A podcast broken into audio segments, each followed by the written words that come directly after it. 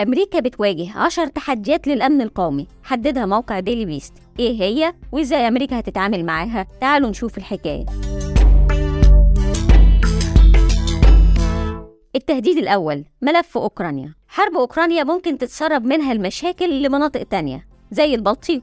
خصوصا إن في مساعي من السويد وفنلندا إن هم ينضموا للناتو. ومن فترة قصيرة سمعنا عن تفجير في خط الغاز بين لاتفيا وليتوانيا. صحيح ما كانش في أدلة على وقوع هجوم لكن الاحتمالات مفتوحة في المستقبل خصوصا إن البلطيق كان المنطقة اللي اتضرب فيها خط نورد ستريم. ده معناه إن أمريكا هتفضل مركزة الفترة على المسرح الأوكراني.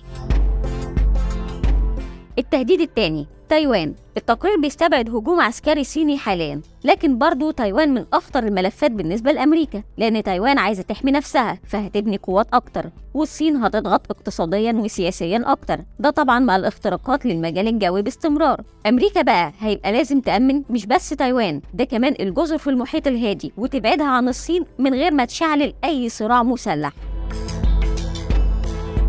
التهديد الثالث العنف الداخلي. من ساعة أحداث الكابيتول وحالة الاستقطاب السياسي في أمريكا بتقول إن مفيش ما يمنع من تكرار العنف السياسي في أمريكا تاني. وغالبا هيبقى موضوع يأثر على الانتخابات في 2024 والدعاية بتاعت المرشحين فيها.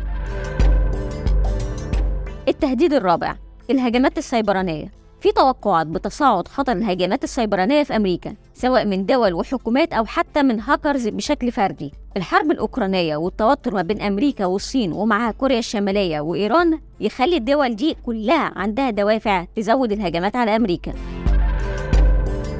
التهديد الخامس ثلاثية روسيا الصين وإيران. ده تهديد ثلاثي لوحده لأن الدول الثلاثة في 2022 عندها اضطرابات داخلية سواء مظاهرات في الصين أو مظاهرات في إيران. وبالنسبة لروسيا فعندها مشاكل الحرب نفسها والمعارضين بتوع الحرب جوه. ده يخلي الدول الثلاثة أكثر استعدادا للقمع ضد شعوبها وفي نفس الوقت تبقى أكثر حدة في التعامل مع أمريكا عشان ما تظهرش أي ضعف.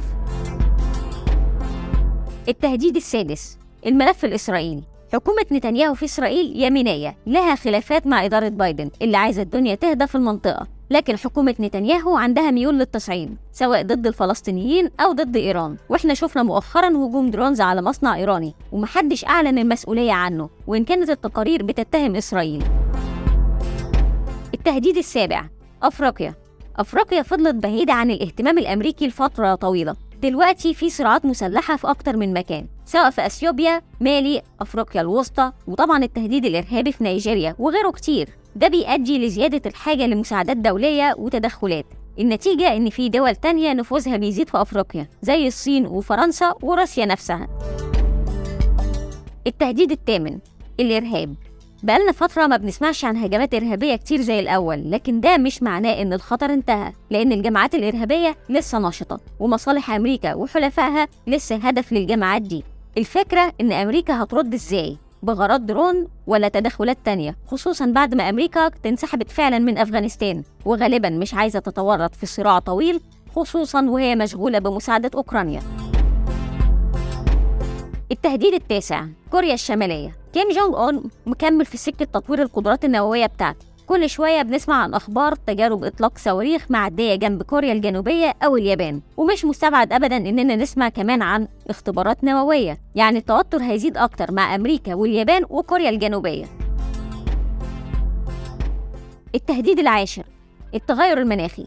الموضوع هنا مش عن الحفاظ عن البيئة ولا عن الطاقة النظيفة نفسها لأن التغير المناخي ممكن يتسبب في صراعات مسلحة وأزمات إنسانية زي إن الجفاف يزيد فتقل المية فتحصل مجاعة أو صراع على المية. عندنا صراعات على المية في بحيرة تشاد ما بين تشاد ونيجيريا والكاميرون والنيجر. مستوى المية في البحيرة بيقل وفي خلافات على توزيع حصص كل دولة فيها. ده غير الجفاف في تجراي واللي هدد بمجاعة وقت الحرب مع الحكومة الأثيوبية. والصومال اللي الخلافات القبلية فيها على الموارد المائية بتعطل العمليات ضد حركة الشباب. حتى ارتفاع الحرارة مع الأعاصير في أمريكا الوسطى بيتسبب في موجات من المهاجرين اللي عايزين فرص حياة أحسن في أمريكا. كالعادة هنسيب المصادر في الديسكريبشن. وبكده بتنتهي حلقتنا النهارده.